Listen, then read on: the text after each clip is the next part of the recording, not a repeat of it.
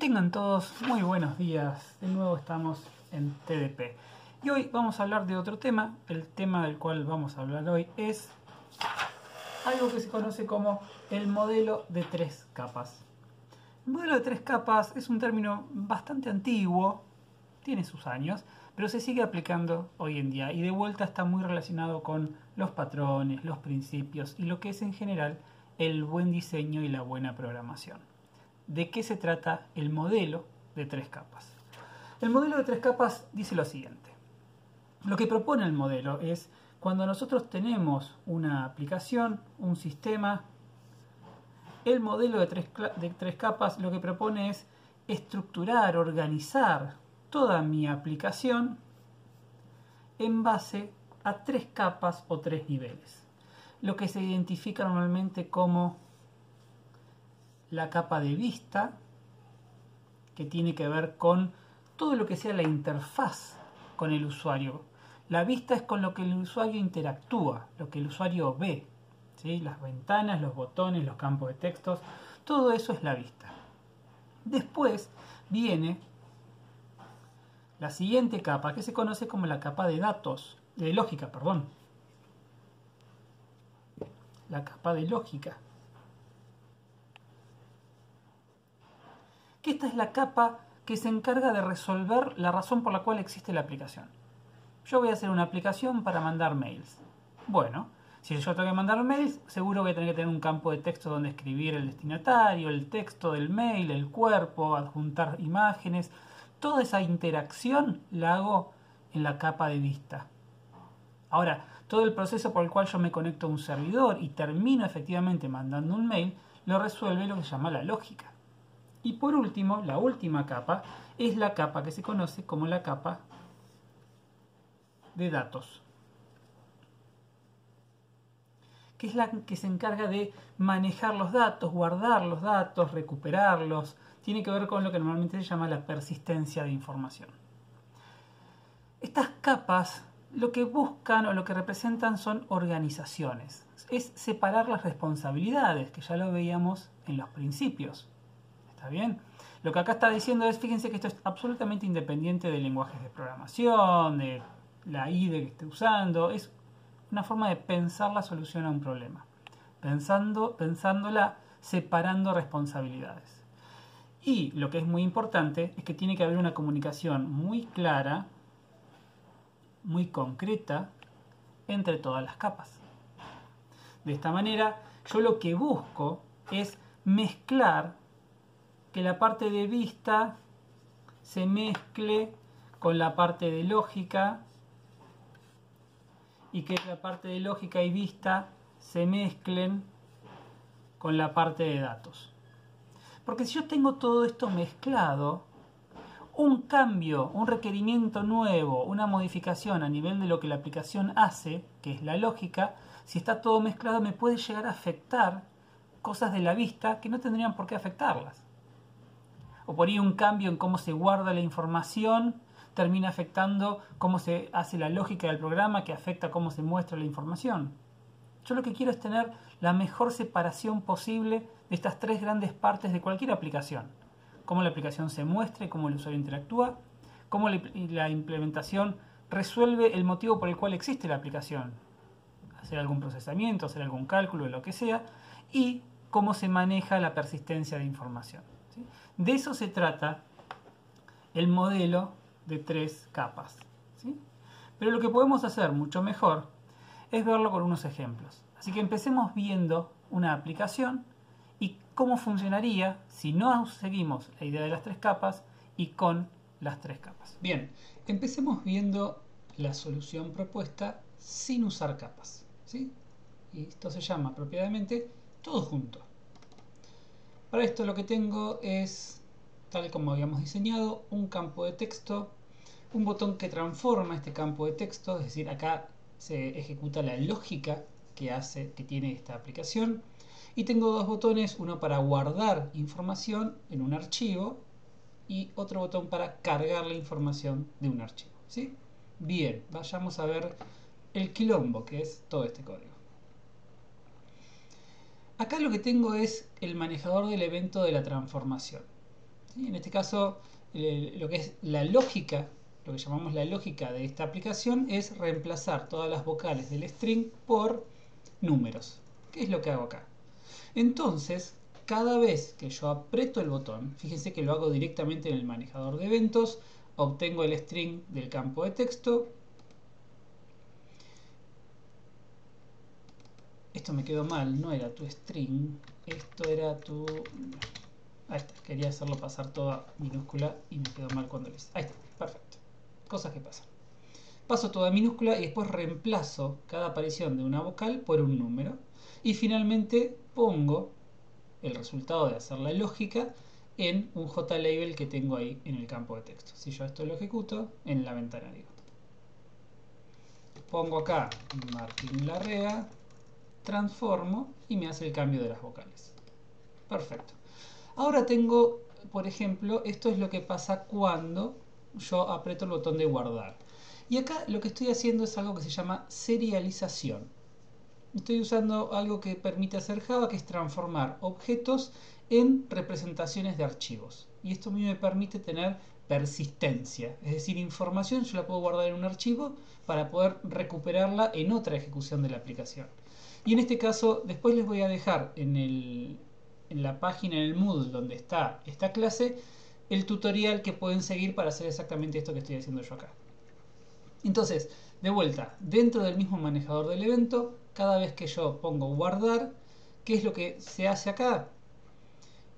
Tengo el nombre del archivo donde voy a guardar la información, se crean lo que son los output stream, que son salidas, y le digo al output stream que escriba, este output stream está asociado a este archivo, que escriba el contenido del JLabel, que es un string.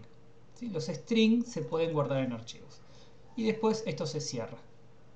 Cuando aprieto el botón para cargar, pasa algo parecido, es la desserialización, es recuperar un objeto desde un archivo. Vuelvo a tener el nombre del archivo, creo stream de entrada, y ahora lo que hago es leer de este stream de entrada que está asociado a un archivo, leer un objeto. Esto devuelve algo de tipo object, por lo tanto yo sé que es un string, así que le hago un, a un cast a un string y después pongo este string en el JLabel. ¿Está bien? Entonces veamos esto cómo funciona. De vuelta vamos a transformar Martín Larrea. Transformar, aparece esto. Guardo y cierro. Fíjense que ahora en el proyecto si yo actualizo me apareció este archivo. Yo esto lo puedo ver, fíjense que acá me aparece esto, pero aparece más información que tiene que ver con la clase, simplemente interfaces, un montón de información. Acá es sencillo porque lo que estoy guardando es sencillo, puede ser mucho más complicado y por ningún motivo modifiquen ustedes el contenido de este archivo. Si ustedes lo modifican con un editor de texto, pueden romper todo. No lo hagan. Ahora bien, eso fue guardarlo. Ahora lo que voy a hacer es, si yo ejecuto, no hago nada, no transformo, pero pongo cargar, me aparece lo que está en ese archivo. ¿Está bien? Fíjense que yo ahora de vuelta puedo poner otra cosa.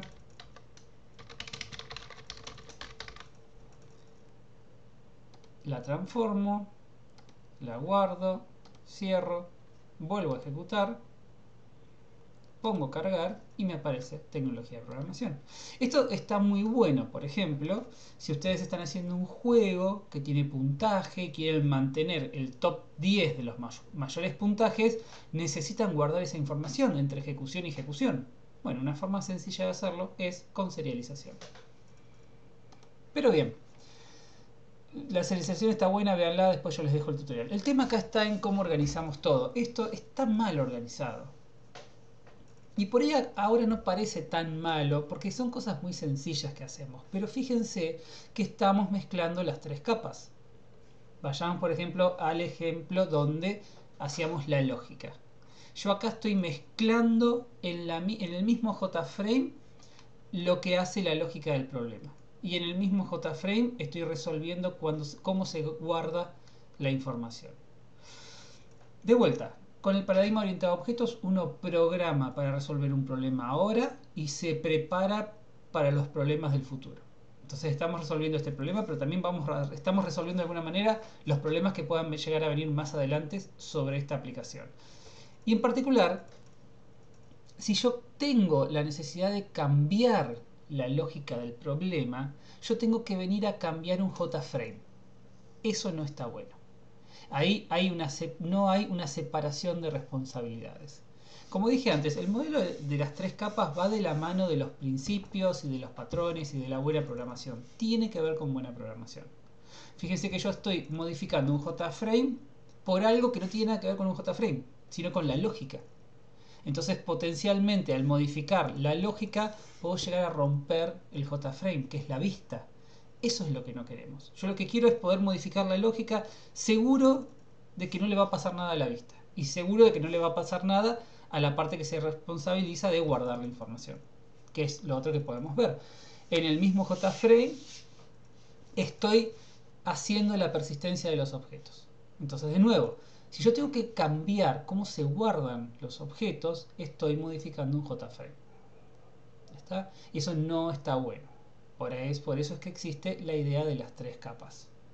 Entonces lo que vamos a hacer ahora es ver cómo quedaría esta aplicación si seguimos el modelo de las tres capas. Veamos ahora cómo se ve el mismo programa, pero si lo pensamos, lo diseñamos desde el punto de vista del modelo de tres capas. Así que volvamos a Eclipse. Yo lo que hice acá fue separar en paquetes, un paquete para cada capa. La capa vista es solamente el JFrame y conecta a mis otras tres capas. Pero ahora yo lo que hice, fíjense, es cada manejador de evento no resuelve todo, sino que lo que hace es delega en una operación. Fíjense que acá básicamente estoy aplicando el patrón command. ¿sí? Esto es el patrón de comandos donde en vez de resolver todo acá, yo delego en una operación. Transformar, guardar y cargar.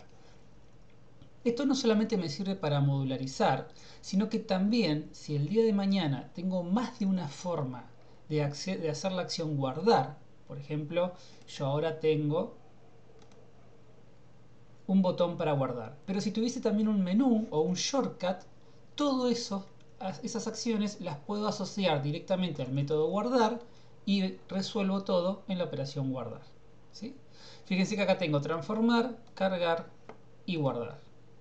Y vean lo sencillo que se volvieron esas operaciones. ¿Por qué? La transformación yo la, la, delego en la capa de lógica. Yo obtengo el, el texto de entrada y a la capa de lógica le digo, bueno, resuelve, hace tu transformación. Dame la salida y yo muestro la salida.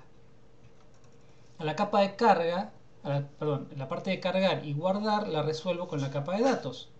A la capa de datos, cuando voy a cargar información, le digo, che, recuperame la información está guardada y poner en un string y ese string yo después lo muestro en pantalla.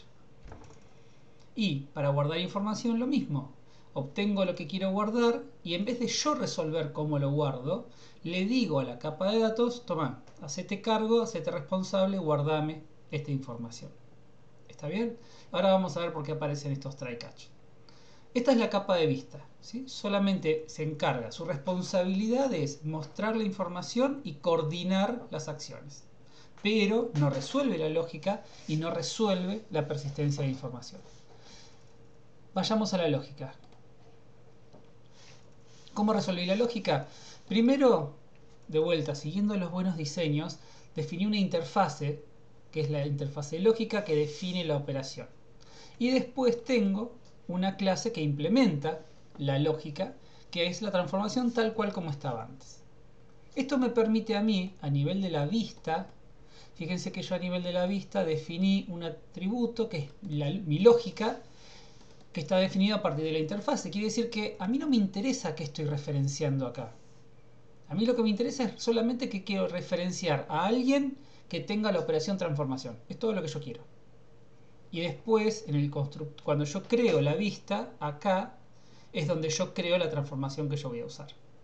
Si el día de mañana cambia la transformación, yo en vez de modificar vocales por número, puedo crear una clase nueva que implemente lógica y solamente tengo que cambiar esta línea de código. En vez de que sea vocales por número y es vocales por letras, cambio acá y todo sigue funcionando igual.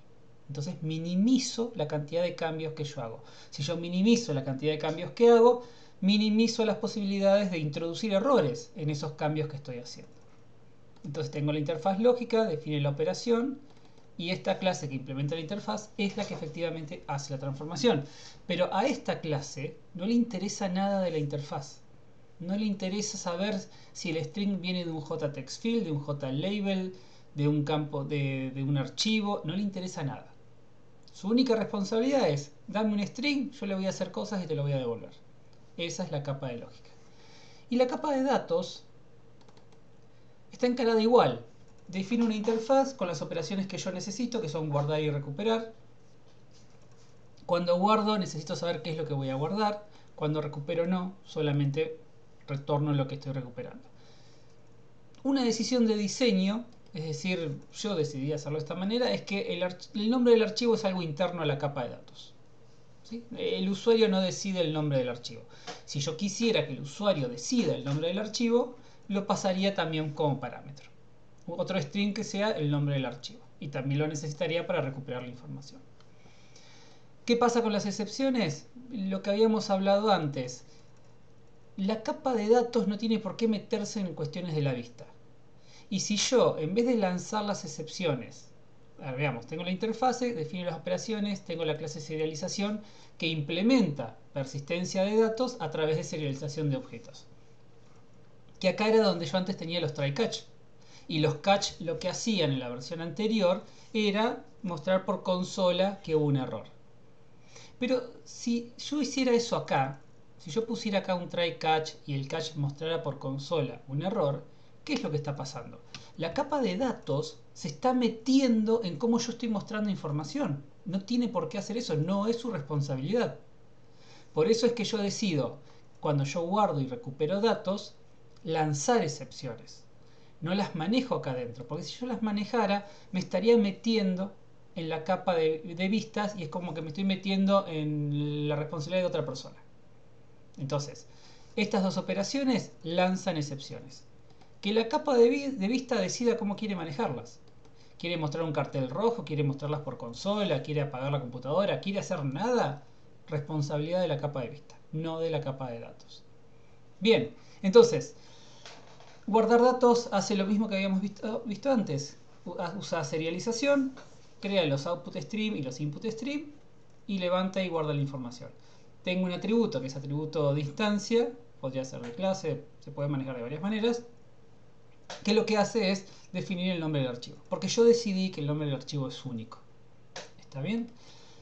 Otra ventaja que tiene esta idea de manejar la interfaz es que hay más de una forma de hacer persistencia de datos. Serialización es una de ellas. No es la mejor. Yo podría guardar esto como un texto plano, es decir, un archivo de texto, un TXT, podría guardarle una base de datos, hay muchas formas. Si yo manejo la interfaz y la manejo la idea de, de capas, pasa lo mismo que pasaba con lógica. Si cambia la lógica, es fácil cambiar el código. Cambia la forma de guardar la información, de esta manera es fácil cambiar el código también. Entonces, si vamos a la vista, igual que con lógica, defino un atributo de instancia que es solamente la interfaz. A mí lo que me interesa es la interfaz nada más, que son mis datos. Acá asocio a una clase que efectivamente implementa esa interfaz, que se llama la clase serialización. Si fuese otra forma de hacerlo, no sé, tengo una nueva que lo guarda en un archivo de texto, cambiando solamente esta línea de código es suficiente. Cuando yo cargo y cuando yo guardo, solamente me limito a pedirle a esa capa que recupere los datos o que los guarde. Y en este caso yo decido manejar las excepciones haciendo un print de toda la pila de llamados. Pero soy yo, la capa de vista en este caso, la que decide cómo se, hace, cómo se manejan las excepciones, no la capa de datos. ¿Está bien? Si yo ahora esto lo ejecuto, funcionalmente es lo mismo, básicamente hice un refactoring. Tengo acá Martín Larrea, transformo, guardo, cierro, me apareció el archivo como en el caso anterior, vuelvo a ejecutar, cargo, recupero y todo funciona igual que antes. transformación, me equivoqué, transformación, guardar, cierro, ejecuto, cargo, cierro. Bien, es más código, nadie niega eso. Sin duda escribí más código que antes, pero este código que estoy escribiendo ahora me va a ahorrar el día de mañana escribir mucho más código. Y esa es la ventaja que nosotros queremos. Esto es lo que llamamos un buen diseño. Y esta es la idea del modelo de tres capas. Bien, claramente hay una ventaja al seguir el modelo de las tres capas. Y como dije recién, sin duda vamos a escribir más código. Pero de nuevo, el código extra que yo estoy escribiendo ahora me está permitiendo a mí no escribir mucho más código de acá a una semana, dos semanas o el día de mañana. Y es una inversión que vale hacer. Así que bueno, de eso se trata el modelo de tres capas y pueden absolutamente aplicarlo en el proyecto final de la materia. Nos vemos en la próxima clase.